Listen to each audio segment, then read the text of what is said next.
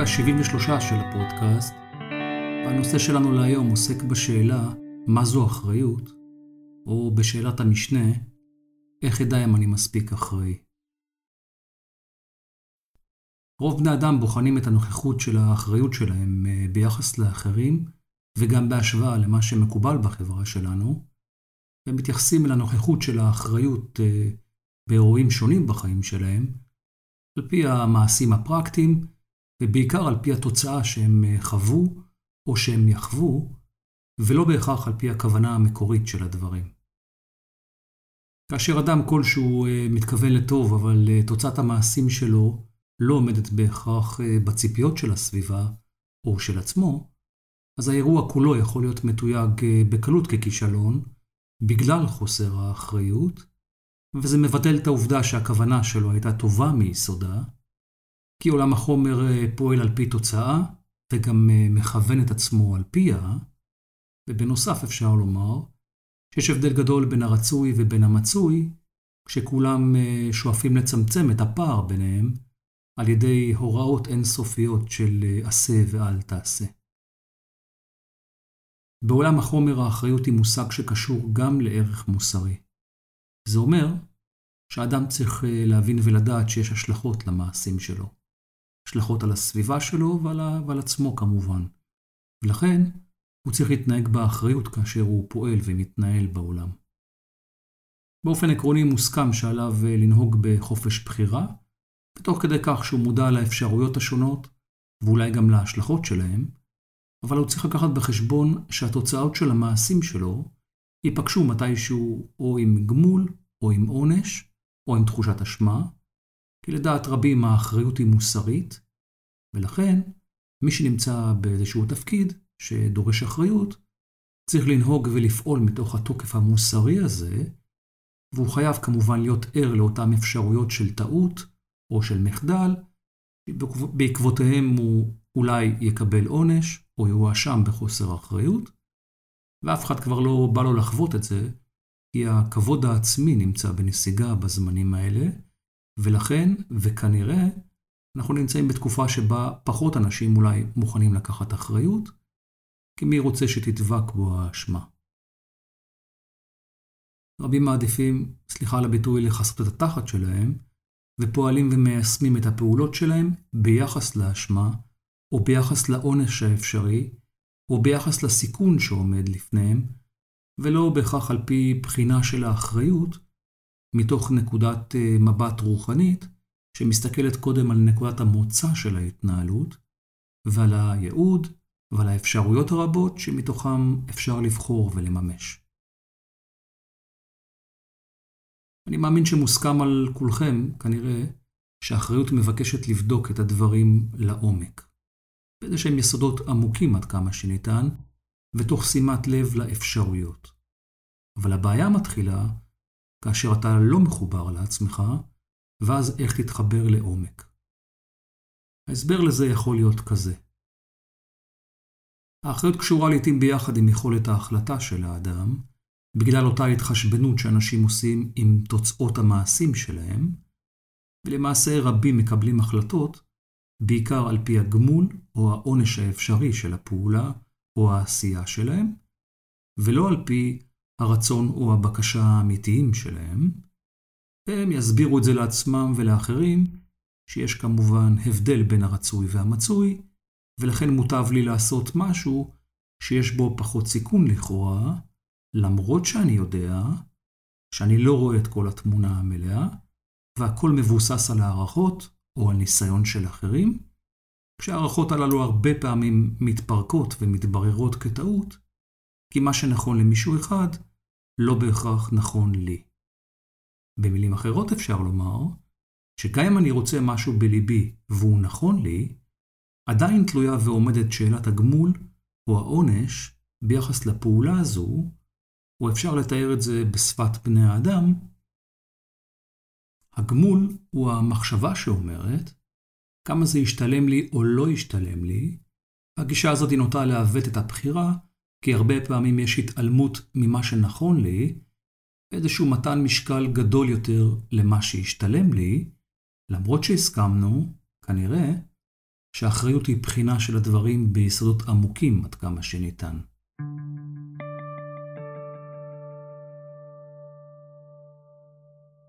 החיים הם אוסף של רגעים והחלטות שאמורים לבטא את האישיות האמיתית שלנו. ולא רק אוסף של רגעים ופעולות שאמורים לבטא נוחות מקסימלית, ביטחון וחוסר דאגה בנוגע לעתיד, כי העתיד לא ידוע והוא יישאר ככזה, כי אי ודאות מניעה את העולם, ולכן מוטב לחיות את הכאן והעכשיו, כי מה שתעשה עכשיו זה העתיד שלך וזה המחר.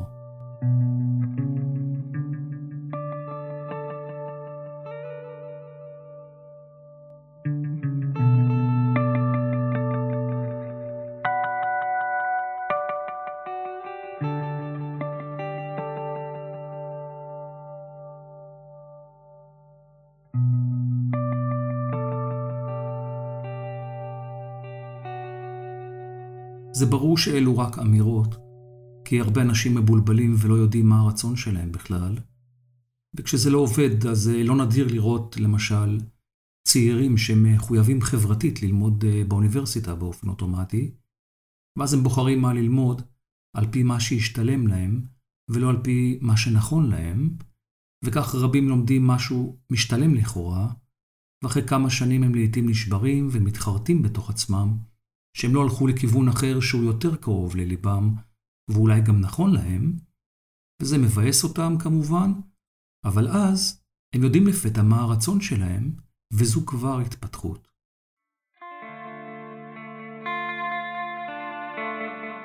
אנשים בוחרים איפה לגור על פי שיקולי מרחק ונוחות, ולא תמיד על פי שיקולי לב.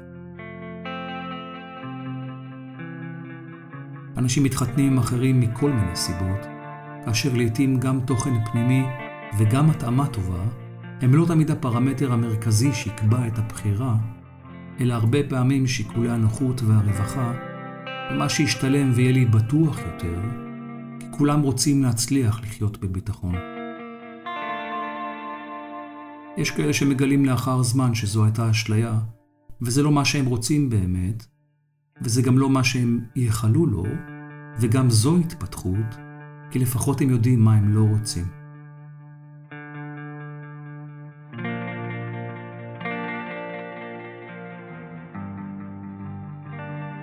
אנשים בוחרים יעד לטוס אליו על פי המחיר של כרטיס הטיסה, ולא על פי המקום שבו הלב שלהם רוצה להיות. אנשים מפחדים לעשות דברים או להתמסר לתהליכים שלא ברור להם מראש מהי התכלית הידועה והבטוחה שלהם.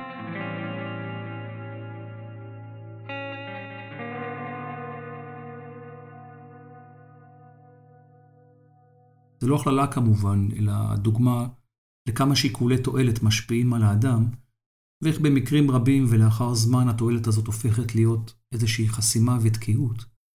כי המניע הראשוני לבחירה היה נוחות חומרית לכאורה, ולא רווחה רוחנית, ואני מסכים לקביעה שצריך לשלב בין השניים, אבל צריך לתת קדימות לרוח, כי נוחות חומרית היא בהחלט מטרה ראויה, שמוטב לה להגיע בעקבות התבססות הרוח ובעקבות התבססות הרצון, אחרת, וכמו שרואים הרבה פעמים, רבים משקיעים את מיטב שנותיהם בהתבססות חומרית, ומתפנים אל הרוח אחרי שהם כבר איבדו את עצמם.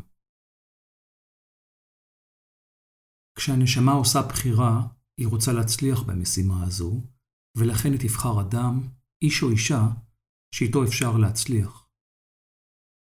כוונת המקור דיברה על התאמה פנימית בלבד ועל חוזה משותף, אבל בגלל שהאדם התרחק מעצמו והתמכר לעולם החומר, הוא הפך את עולם החומר ליודע הכל, וכך התנאים החומריים הפכו להיות החשובים ביותר בכל החלטה, וזה מסבך את חייו של האדם, אבל כמובן שזו זכותו של כל אחד להסתבך כרצונו. למרות מה שאמרתי כאן, אני רוצה להוסיף הבהרה בנוגע לבחירה ובנוגע לקבלת החלטות שכבר נאמרה כאן בעבר. אין דבר כזה בחירה לא טובה, כי כך או אחרת, כל בחירה נובעת ממקור פנימי. אבל, ויש כאן אבל גדול, כמו לפי הדוגמה הקודמת, אם בחור או בחורה צעירים לא מחוברים אל עצמם או אל הרצון האמיתי שלהם, ועדיין הם צריכים לבחור מה ללמוד באוניברסיטה למשל, הם יעשו את זה מתוך הרצון של הסביבה שלהם, כי הם לא מזהים את הרצון האמיתי שלהם. ואז הם לכאורה יעשו בחירה שתשתלם להם, כי אין להם דבר אחר להישען עליו, בגלל שהרצון האמיתי שלהם לא ברור. בכל מקרה, זאת תהיה בחירה טובה, כי זו צורה של עשייה, וזה כבר טוב. ועדיין, אדם כזה מאמן את התודעה שלו להחליט על פי שיקולי הנוחות בלבד, ולא על פי שיקולי לב, וכך, ולאורך זמן, זה ירחיק אותו מעצמו. ההבדל בין שני המצבים הוא כזה ששיקולי הנוחות פועלים על הטווח הקצר, ומתייחסים רק לעולם החומר, כשהם חושבים על כמה הדרך תהיה מרופדת. וזה כמובן מאוד מפתה, כשהדרך השנייה חושבת על הטווח הארוך כמטרה רוחנית של הגשמה, ולכן היא לוקחת בחשבון את האופי של האדם, ושואלת איפה הפוטנציאל שלי יכול להתבטא בדרך הטובה ביותר. וזו כבר יכולה להיות איזושהי בחירה משודרגת יותר, שנובעת ממקור פנימי, מכיוון שהמצב הזה הוא יותר חזק ומושרש. שוב, שום דבר כמובן לא מובטח, אבל בדרך הזאת היכולת להתמודד עם קשיים ומכשולים בדרך היא יותר טובה, ולכן כל בחירה היא טובה, גם אם היא רדודה לכאורה, וגם אם היא מאתגרת. איפה ובאיזה קצב תרצו להתפתח, זה כבר נתון להחלטה שלכם על פי הזיהוי של הרצון בתוך עצמכם. ההבנה והקבלה בתוך עצמכם שכל הבחירות הן טובות ביסודם, היא התנהלות אחראית, כי היא מאפשרת לאחוז בבחירה למרות התחושות הסותרות שמופיעות אה, בדרך, כמו הדוגמאות שהבאתי.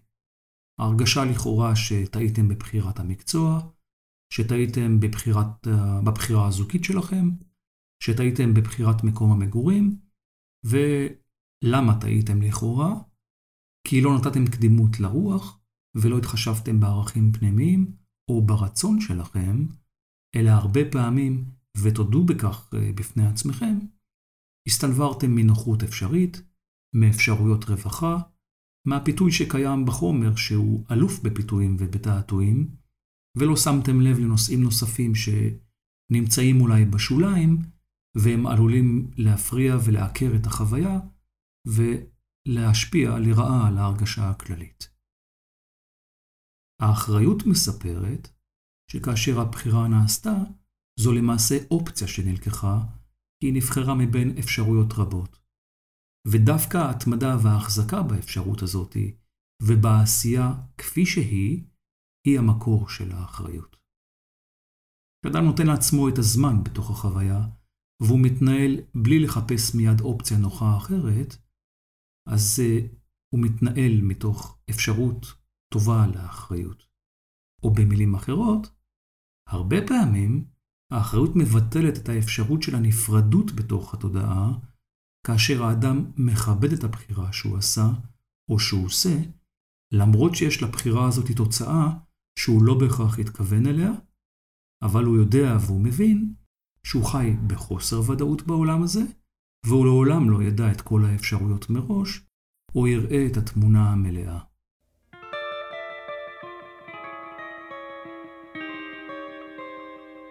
כמו שאמרתי קודם, עולם החומר עוסק בתוצאה ובטווח הקצר, וכך אנשים נשפטים ושופטים על פי האחריות או חוסר האחריות שלהם ושל אחרים, ביחס לפעולה כזו או אחרת שהם עשו בטווח הקצר, ולא ביחס לאופי או למכלול של ההתנהלות שלהם.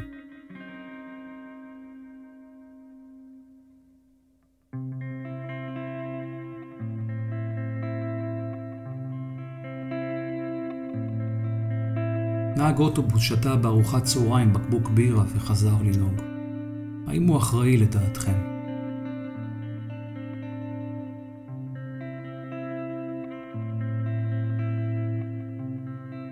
עוזר או עוזרת הבית שלכם מנקים את הבית בצורה יסודית מאוד. האם זה אומר שהם אחראים?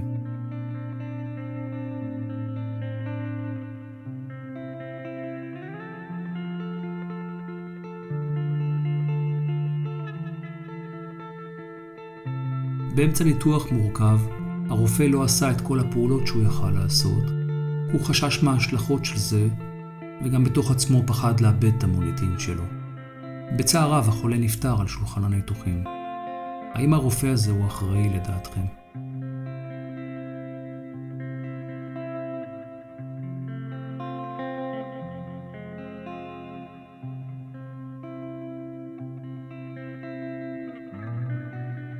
כמו תמיד, אני לא בהכרח יודע או מבין משהו בעולם הזה, ואני מביא לכאן רעיונות ומחשבות בלבד, ואלו לא אורים ותומים. ולכן, זה לא טוב וזה לא רע. לא גבוה או נמוך, ומומלץ להישאר פתוחים.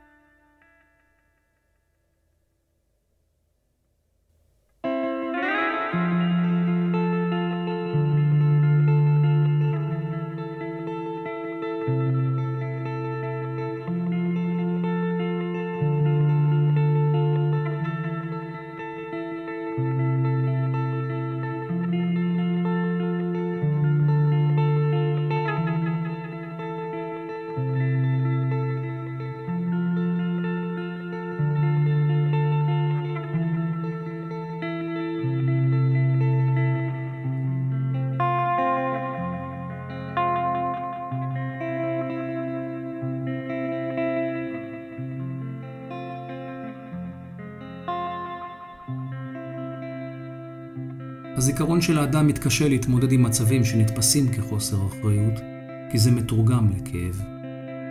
לזיכרון יש נטייה לקדוח את האדם ולהזכיר לו את אותם מצבים שבהם הוא התנהל לכאורה בחוסר אחריות, וזה גורם סבל. זה קורה כשהזיכרון עצמו משחזר אירוע שקרה על ידי תמונה שרבים מסכימים שהיא דומה מאוד למה שקרה באמת, אבל לא בדיוק, ועדיין זה מה שנצרב בתודעה מפרספקטיבה אחת של חוויה, מאיזשהו גיל מסוים או מצב תודעתי מסוים, למרות שזה לא תמיד התמונה האמיתית. במילים אחרות, קרה מה שקרה. יש תמונה מאירוע שחוזרת על עצמה, וככל שאדם רוצה להתגבר על הזיכרון הכואב שלו, אז עם הזמן נוספות תמונות נוספות, שמשנות מן הסתם את האופי האמיתי של האירוע שקרה, וגם זו דרך לבנות מציאות, דרך אפשרויות קיימות שאולי עדיין לא התממשו. כשבני זוג חיים בתוך מערכת יחסים, הם הרבה פעמים מצפים מהצד השני שיתייחס אליהם כמובן באותה תשומת לב ובאותה אחריות שהם מתייחסים לעצמם, ולא חסרים מקרים שבהם הזוגיות מגיעה לאיזשהו אתגר שנראה כגשר, שאותו יש לעבור יחד, אבל היא נתקעת על נושא מסוים, כי אחד הצדדים לא מוכן לעשות את הדרך הזאת על הגשר בתוך עצמו. רק לשם הדוגמה, בואו נניח לרגע שהנושא של הגשר הזוגי הוא גשר הספק, ועד שהם הגיעו לגשר הזה, הזוגיות שלהם התקדמה דווקא בקצב התפתחות לא רע, ובני הזוג קיימו תקשורת טובה יחסית ופתוחה, כי הייתה קרבה והשתדלות לתת אחד לשנייה איזושהי הרגשה של שקיפות ושותפות דרך. ברגע שהם הגיעו לגשר הספק, התחילו להצטבר רמזים שהתקשורת בין בני הזוג משובשת, שיש חוסר הבנה, וזה פגע ופוגע בקרבה ביניהם, ואז יש התרחקות, ואז תחושת השקיפות נעלמת, כי אצל שני הצדדים מצטבר הספק, וזה לא מפתיע בכלל, כי זה הגשר שהם צריכים לחצות. שוב, לכאורה שום דבר לא השתנה, פשוט כעת הנושא של הזוגיות השתנה, כי הכל נמצא בשינוי כל הזמן, למרות שאנשים תופסים את המציאות באופן סטטי. ועדיין, אם הזוג בנה תשתית רגשית אה, מספיק חזקה, אז הם יכולים להסיר את הספק הזה בתוך עצמם וגם ביניהם. הם יכולים לחצות את הגשר ולהמשיך להתפתח לבד וכזוג. אבל לעתים זה לא פשוט בכלל, כי הכל זו השתקפות, ולכן החיכוך עם עולם החומר יזמן דווקא אירועים חיצוניים שיבואו לחזק ולבסס את הספק. ולשם הדוגמה, התגלה שאחד הצדדים ניהל או ניהלה סוג של רומן קצר בעבודה. תכלס, לא היה כמעט כלום, אבל עצם הפניית הלב לכיוון אחר, עצם הרצון, המשיכה הגופנית, הכמיהה, האפשרות החדשה והמסעירה עשו את שלהם, וכך הצד השני הואשם או הואשמה בבגידה, באובדן האמון ובחוסר אחריות לגבי הקשר הזוגי וגם ההזנחה שלו, וכך הכל התחיל להיות קודר, וענני הספק רק הצטברו והתמלאו עוד יותר, ואיימו לפרק את הזוגיות. אדם לא בוגד באף אחד חוץ מאשר בעצמו, ועדיין למען הדיון, האם לדעתכם הצד הבוגד לכאורה יתנהג לטעמכם בחוסר אחריות כלפי ההתחייבות הזוגית שלו? כמובן לא יודע מה עניתם, אבל אני נוטה להאמין שגם אלו שמתנהגים ככה בעצמם יגידו שכן. אנשים מצפים שהקוד המוסרי מהצד השני ישמר באופן אוטומטי את הכנות, את היושרה, את האחריות והשקיפות, גם אם האדם עצמו לא מתנהג ככה. אני חוזר ברשותכם לתחילת הפרק.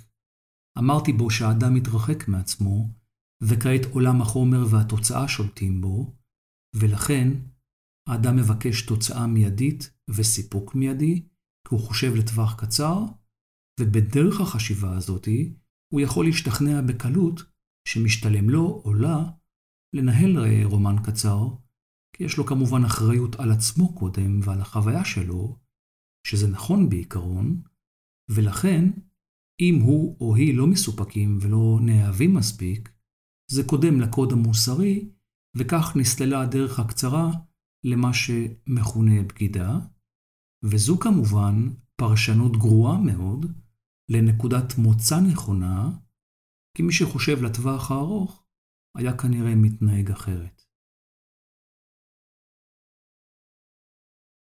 מה שחשוב בכל סיפור הזוגיות הזה, וזה רק דוגמה כמובן, הוא הבחירה לצעוד יחד, להיות בהוקרת תודה על הדרך המשותפת שכן נעשתה, ולדעת שהגעתם לגשר הספק. כעת, הצד הבוגד בספק אם הוא או היא רוצים להישאר בתוך הקשר הזוגי, כי הם יהיו אשמים לכל ימי חייהם, והצד השני יאשים אותם בחורבן הקשר, כשהצד השני, גם הוא בספק, אם הוא או היא יכולים בכלל להישאר בקשר שבו הם נבגדים. אני לא עוסק בשיפוט וגם לא במה שטוב ומה שרע, כי החיים זו בחירה. האחריות מבקשת לבדוק יסודות עמוקים יותר, שהם במקרה זה יכולים או צריכים להיות מסוכמים בשאלה אחת. האם הזוג יכול לחצות את גשר הספק? אם כן, אז צריך להכיר בזה שהכל זו בחירה, והספק היה צריך להגיע בדרך כלשהי, כי ככה זה, והוא בא דרך רומן, אבל הוא יכל להגיע גם דרך כל דבר אחר, כמו למשל, אחד מבני הזוג התחיל או התחילה לעסוק באופציות בשוק ההון בהסכמת הצד השני. הם סיכמו איזושהי מסגרת וסכום ויעד, וגם סיכמו על החלום שהם יהיו בו לאחר זמן, עם אה, ממון רב כמובן, וזו לכאורה המטרה משותפת, כי הם בנו חלום משותף, וכבר בחרו יאכטה מתוך אה, קטלוג מהודר. אבל עם הזמן היה סחף גדול, והצטבר הפסד עצום בגלל כל מיני נסיבות שהצטברו לאורך הזמן, שהן נקראות uh, תזמון גרוע. הוא או היא רצו שקיפות ולשתף את הצד השני, כי זה ההסכם ביניהם, אבל הצד המשקיע חשב או חשבה שאפשר להחזיר את החוב על ידי העלאת הסיכון, וכך לאחר זמן לא רב נמחק כל הכסף, וגם הצטבר חוב גדול ועצום, שייקח להם הרבה שנות עבודה להחזיר אותו. זה התגלה, ושוב ברמת החוויה זו בגידה, חוסר שקיפות וחוסר אחריות לגבי הזוגיות וכלפי המטרה המשותפת וגם כלפי ההסכם שהם עשו בנוגע לנושא הזה. וכך הם שוב על גשר הספק, כשספק גדול מופיע בשאלה האם להישאר בזוגיות שבה את או אתה תהיו נאשמים לנצח בחיי העוני של המשפחה, או שהצד השני שואל, איך אוכל להישאר בזוגיות עם איש או אישה שהביאו אותנו למצב כזה.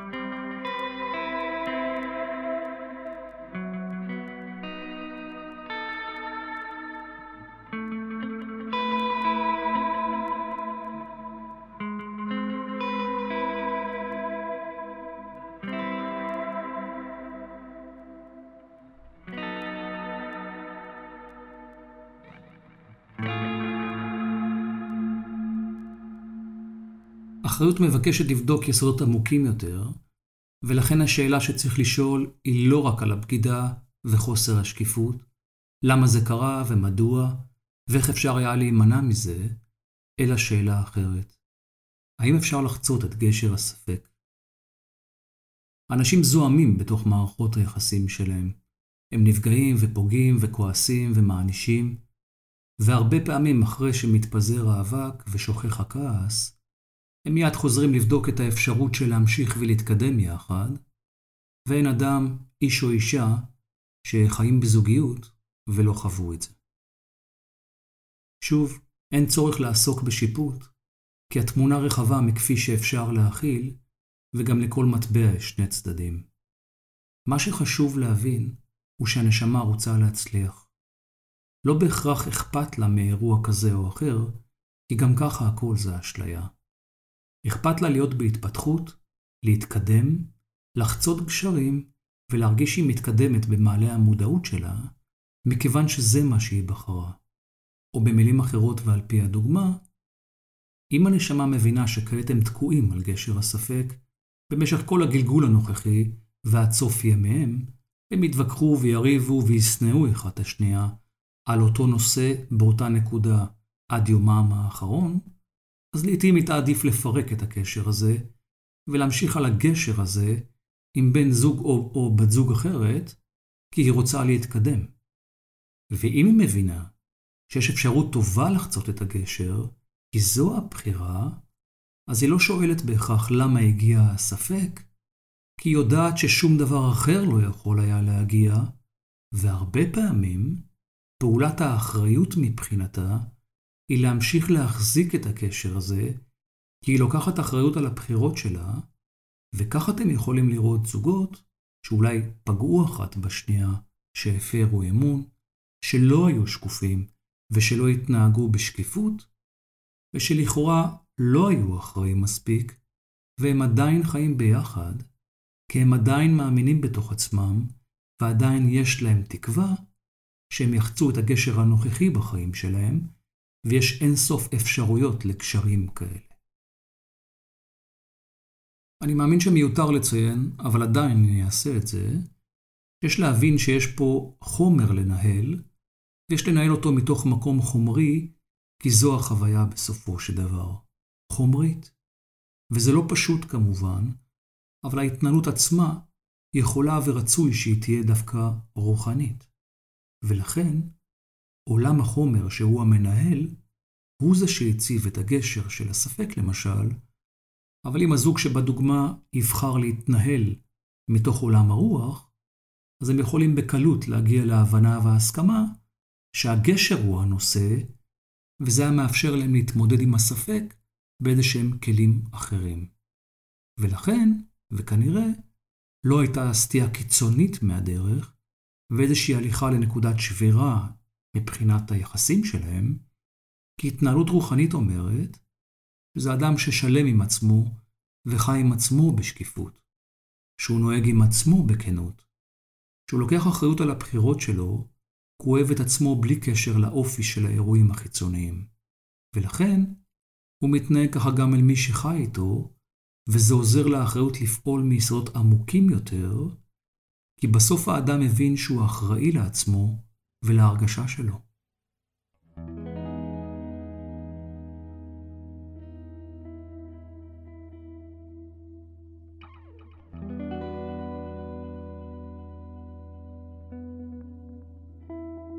אמרתי קודם שאדם אחראי בוחן את האפשרויות שלו לעומק, ועדיין הוא יכול לשכוח סיר אורז על הגז, לשכוח לקחת את הילד מהגן, או לנהוג אחרי שהוא שתה בירה, או לתת לילד שלו לרכב על אופניים בלי קסדה.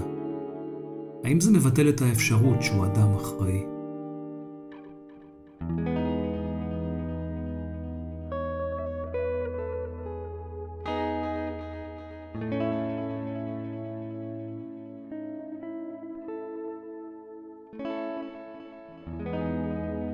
כמו שאמרתי קודם, אחריות או בדיקה של יסודות עמוקים זה לא רק ביחס לתוצאות המיידיות של הפעולות שעשיתם, אלא בדיקה בתוך עצמי. כי עולם החומר זה למעשה מגרש משחקים שצריך ללמוד לנהל אותו ממקום חומרי, כאשר ההתנהלות המעשית עדיף לכם שתהיה רוחנית, ולכן אין דבר כזה שלא יהיו הפרות, או שלא תיתקלו בחוסר שימת לב, או אירועים שיכולים בקלות לגלוש להגדרה של חוסר אחריות. והניסיון להימנע מההפרות הללו רק גורם למתחים וחרדות מאיזושהי אפשרות של כישלון או אפשרות של חוסר אחריות, ודווקא הניסיון להימנע מהם הוא זה שמשאיר את המצב מתוח ולא תורם ליכולת המיקוד והריכוז של האדם. להפך, זה מתיש אותו. ומי שחושב שהוא רואה את כל המכלול של האפשרויות בכל אירוע, הסליחה על הביטוי, אבל הוא חי בהזיה. עצם הניסיון או הרעיון הזה יכול להיות מתורגם בקלות לאיזושהי אובססיה כפייתית של בדיקת האפשרויות, ואז בדיקה נוספת, ועוד אחת ועוד אחת, על מנת שלא למעוד חלילה, והרעיון כאן יהיה לא בהכרח להיות אחראי, אלא לא למעוד בשום מקרה, כי מתחת לזה יש פחד מפני איבוד שליטה. בדיקת העומק של האחריות יודעת מראש שיש אה, הרבה אפשרויות שלא נלקחו בחשבון, ועדיין האחריות מבקשת ליצור מבנה שהוא איזושהי מסגרת שתכיל בתוכו את מה שנכון לי, את מה שאני רוצה, וגם את מה שאני מאמין בו, ועדיין תשאיר לי חופש מלא לתת את הפרשנות שלי לנושא, ואתן לכם דוגמה. כשאנחנו רצינו ילדים, וזה היה יחסית מזמן, בשנות ה-90, היה איזשהו פרוטוקול של בדיקות הריון מאוד ברור של סקירת מערכות, ועוד כמה בדיקות מינוריות יחסית, שהכוונה שלהם הייתה לבדוק שההיריון תקין. ההקפדה על התהליך הזה הגדירה את תהליך ההיריון כתקין, ואת זוגתי כאחראית, היא הקפידה על מה שנדרש, ועקבה לכאורה אחרי ההוראות. עד כאן הכל מובן. היום כאשר אישה רוצה להיכנס להיריון, כמות הבדיקות שהיא יכולה או צריכה לעשות משתווה לבדיקות של נאס"א כאשר הם שולחים אסטרונאוט לחלל. ואני שואל, איך אפשר להיות בהרגשת אחריות נינוחה כאשר אתה נדרש לאין סוף אישורים על תהליך שכל כולו רגשי, פנימי ואישי, והוא מבוסס על בחירה וחוזה עם נשמה אחרת. וזו רק דוגמה לאיך בנושא כזה למשל, קשה יותר לחלק מהאנשים ליצור מסגרת שתכיל בתוכה רק את מה שהיא מרגישה, רק את מה שהיא מאמינה בו, ורק את מה שנכון לה, ועדיין היא תשאיר מקום חופשי לפרשנויות השונות בתוך התהליך האי-ודאי הזה, כי הוא משתנה על פי ההרגשה שיש לה, או ההרגשה שתהיה לה. והשאלה שלי אליכם היא כזו, מי שפועלת ככה, האם היא אחראית בעיניכם, או דווקא זו שעושה את כל הבדיקות האפשריות והקיימות על כדור הארץ, היא האחראית? מה שבטוח הוא שבשני המקרים אפשר יהיה למצוא טיעונים למידה לא מספיקה של אחריות, כי לא תהיה בהכרח השלמה מלאה או תשובה סופית, ותמיד יישאר מקום לספק, ותמיד יהיה מקום לפרשנות, במיוחד אם אה, חלילה הופיע איזשהו פרמטר מחשיד או לא מובהק, או אם עולים מחשבות וחששות שלא בדקתם מספיק.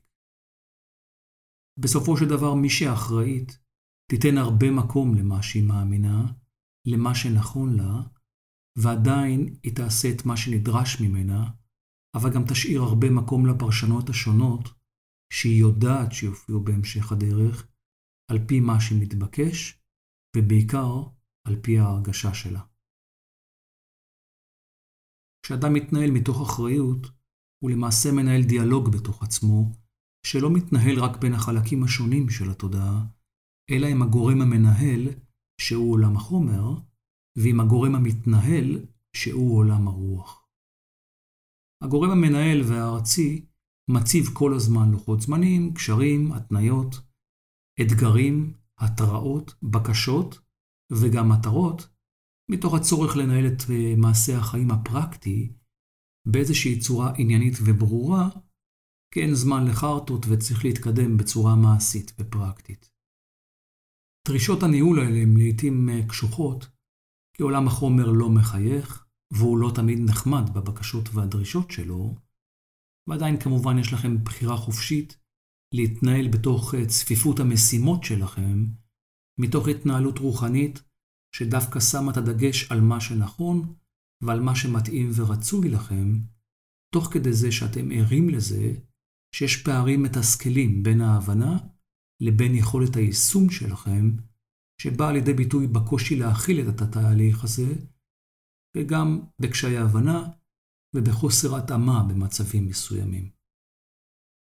זה קורה לכל אחד ואחת שאומר שחשבתי ככה וקרה אחרת, דמיינתי מצב אחד וקיבלתי מצב אחר, שאני לא מבין למה אני לא מקבל את מה שאני מבקש, למרות שכבר ביקשתי הרבה פעמים.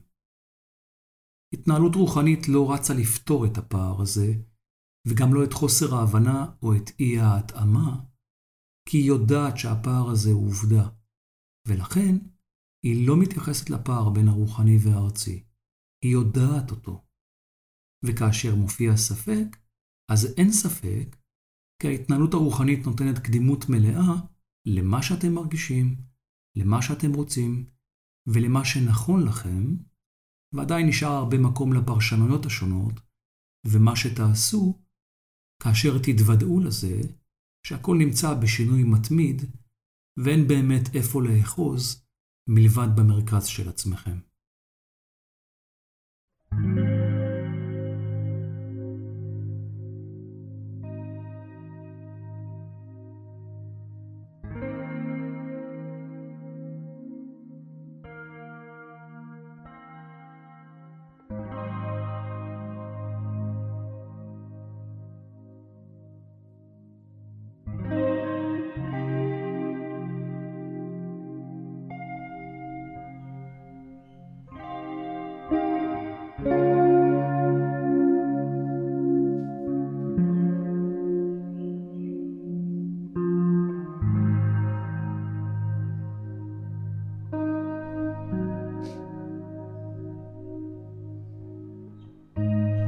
היו היה פעם צב. הצב היה מאוהב, הוא אהב ואהב ואהב, אבל לא נאהב. שריונו של הצב לא הגן עליו, אך הבין משהו מהמצב. הוא התכנס בביתו, התכנס בתוך עצמו, ושם שהוא בגן עדן של חסה.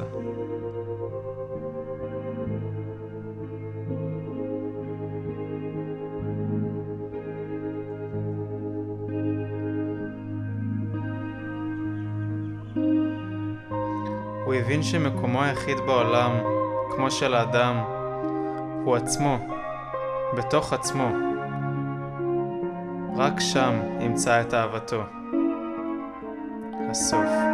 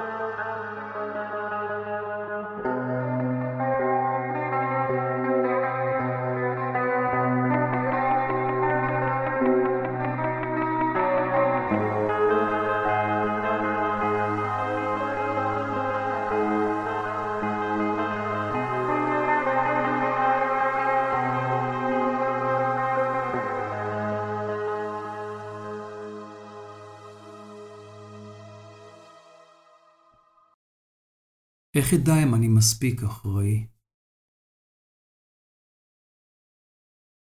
מספרים על בחור אחד שבמקצוע שלו הוא רופא. הוא עוסק בתחום שנחשב לייחודי, ועולים אליו לרגל כל אלו שסובלים מאותה מחלה, שיש לה היקשים וקשרים שהוא בין היחידים בעולם, שבאמת מבין איך לפרום אותם. למרות שהמקרים חוזרים על עצמם, הוא משאיר את כל האפשרויות פתוחות, והוא בודק כל פעם מחדש את החולה שלו, כאילו זו הפעם הראשונה שהוא נתקל במחלה הזו. ולמרות הידע המצטבר שלו, הוא לעולם לא יוצא מתוך נקודת הנחה שהוא רואה את כל האפשרות הקיימות, ולכן ניתן לומר עליו שהוא אחראי. ליד בית החולים שהוא עובד יש אה, מסעדת פועלים. כל יום בשעה 12:40 בדיוק הוא מופיע ומזמין צלחת של אורז עם כדורי בשר ברוטב עגבניות. וזה מה שהוא אוכל שישה ימים בשבוע. כבר מזמן הפסיקו באותה מסעדה להציע לו מנות אחרות, והוא לא מוכן לאכול שום מנה אחרת, כי הוא לא פתוח לשום אפשרויות אחרות בנושא הזה. הוא מאוד מסור לעבודה שלו, ועובד בכל יום עד לכוחותיו האחרונים, כי בכל זאת הוא מבוקש מאוד בתחום שלו, ויש לו גם הרבה דאגה לחולים שהוא מטפל בהם. הוא מגיע הביתה בכל ערב מאוחר ופשוט מתרסק למיטה, ויש לו משפחה עם שלושה ילדים מתבגרים, שהוא לא היה שותף בגידול שלהם. הם לא ממש מכירים את האבא שלהם, הוא אף פעם לא מדבר איתם באמת, אף פעם לא מקשיב להם באמת, ואף פעם לא מתעניין בהם באמת, וכך מרגישה גם אשתו שאומרת לו, שהיא לא מרגישה שהוא אוהב אותה, הוא לא מדבר איתה באמת, לא מקשיב לה באמת, ולא מתעניין בה באמת, והיא גם מוסיפה ואומרת שהגישה שלו לזוגיות והגישה שלו להורות גובלת בחוסר אחריות. ויש תקופות ארוכות שהיא לא רק גובלת, אלא ממש חסרת אחריות. הוא אדם מאוד אה, מסודר וקפדן, יש לו הרגלים קבועים, הוא קם כל בוקר באותה שעה, רוחץ פנים, מכין קפה, מעשן סיגריה במרפסת, הולך לשירותים, מקלחת, ואז הוא מתלבש, ואחרי 48 דקות בדיוק, הוא כבר באוטו בדרך לעבודה, וככה זה בכל יום. הוא נוסע לעבודה בדיוק באותה דרך, הוא מכיר ויודע מתי הרמזורים ירוקים. והוא גם שואף אה, להחנות את הרכב בדיוק באותו מקום בחניית בית החולים. הוא משלם את החשבונות שלו בזמן, עושה טסט לאוטו, ונחשב לאדם מאוד אחראי בקרב בני האדם, מלבד העובדה שאין לו חברים בכלל, ושהוא לא קשור לאשתו וגם לא לילדים שלו, והוא יודע שהוא לא מסוגל ולא יכול לקיים את הקשר הזה, כי הוא לא יודע לתקשר. הוא לא יודע איך לדבר, איך לשתף, איך להרגיש ואיך לחוש, והוא ער לזה שאין לו בכלל אחריות רגשית למשפחה שלו, ולכן הוא מרגיש כישלון. לעתים הוא מדמיין שהוא בורח ועולה על ספינה שמפליגה מסביב לעולם, ופשוט נעלם באחת הארצות, ומתחיל את החיים שלו מחדש באיזושהי זהות אחרת נטולת אשמה. אבל הוא יודע בתוך עצמו שהוא לא יכול להסיר את האחריות הפרקטית שהוא חש כלפי העבודה והחולים שבאים אליו, למרות שהוא מרגיש משועבד. האם לדעתכם הוא אדם אחראי? כאשר אתם בוחנים את האחריות בתוך עצמכם, תבחינו קודם מה אתם מרגישים, מה אתם רוצים, במה אתם מאמינים, ותשאירו מקום לפרשנויות נוספות, כי הדברים נמצאים תמיד בשינוי מתמיד, ומה שהיה אתמול לא רלוונטי למחר, כי מחר ההרגשה שלכם תשתנה. לאנשים קשה עם שינוי, והם מכחישים את ריבוי האפשרויות בעצמם, כי הם לא מסוגלים להכיל את הפער הזה ואת אי הידיעה. זה מצמצם את גבולות האחריות שלהם למספר מצומצם של החלטות, בזמן שהאחריות דווקא מבקשת מהם להרחיב את האפשרויות, כי היא מבינה את האחד שמתממש באין סוף צורות. כל מה שאדם רוצה נמצא בתוכנית שלו, וזה רק מראה עד כמה יש להיזהר במילה, להיזהר במחשבה, ולהיזהר במה שאתה מבקש. כשאתם מבקשים לממש פוטנציאל שנמצא בתוכנית שלכם, אל תחפשו ותשקלו את אפשרות המימוש קודם, אלא את המסגרת של האחריות שלכם, ששואלת קודם מה אתם מרגישים, מה אתם רוצים ובמה אתם מאמינים, אחרת אתם עלולים למצוא את עצמכם במצב שבו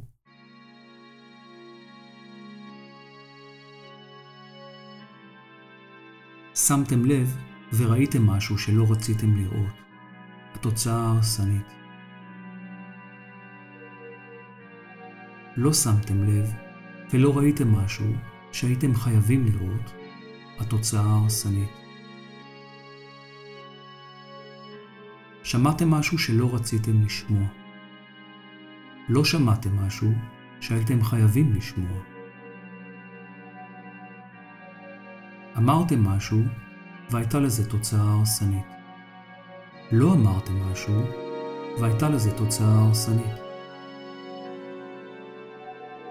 התלבטתם אם להגיד משהו, ועד שבאתם להגיד את זה, תוצאה הרסנית גרמה לכם לא להגיד, אז שתקתם.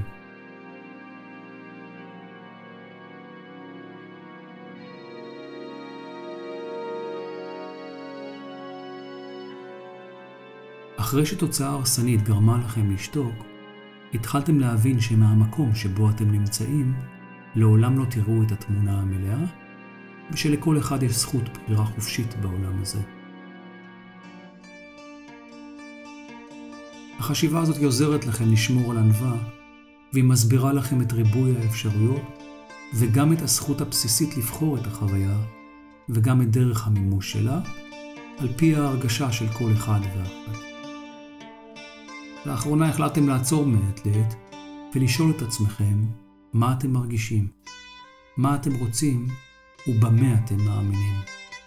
וככל שעובר הזמן, אתם מוצאים שאתם משאירים מקום לפרשנויות נוספות, כי הכל משתנה לכם כל הזמן בגלל ההרגשה שלכם, ולכן מה שהיה אתמול לא רלוונטי להיום, ומה שתחשבו מחר יעבור כמו רוח מחרתיים. אתם מוצאים שאתם בודקים את מה שמצוי ביכולת שלכם ואת מה שמצוי בלב שלכם, ואתם משתדלים להיות נאמנים להרגשה הפנימית שלכם, כי חשוב לכם להיות אחראים.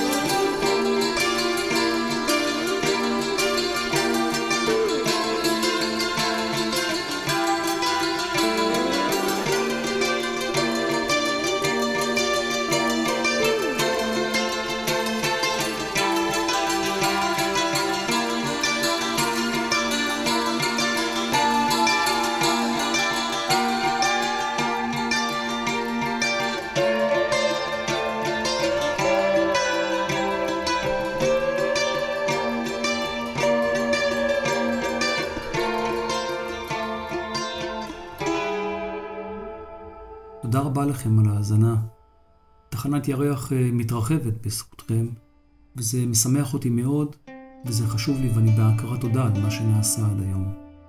תכלס, כל הפודקאסט הזה התחיל כאיזשהו ניסוי עם תכנים שהם לא בהכרח קלים לעיכול, ולמרות שזה תחום שהוא נישה צרה, היא בכל זאת מעוררת עניין, ותודה לכם על כך. אשמח כמובן אם תמשיכו לשתף ולדרג את הפודקאסט הזה באפל או בספוטיפיי, וגם כמובן להמשיך לשלוח שאלות. אפשר כמובן ליצור איתי בשמחה קשר דרך אתר האינטרנט של תחנת ירח, בקישור moonstation.coil, או בוואטסאפ, או בפייסבוק, או באינסטגרם של תחנת ירח. הבן שלי עידו מקליט חומרים חדשים לאלבום שלו שיצא עוד כמה חודשים, אז בינתיים אנחנו יכולים ליהנות מהמוזיקה הנפלאה שלו, שמוסיפה כל כך הרבה לתכנים של תחנת ירח. ואני מודה לו על כך. אני מאחל לכם ימים טובים ושמחים, ונתראה בפרק הבא.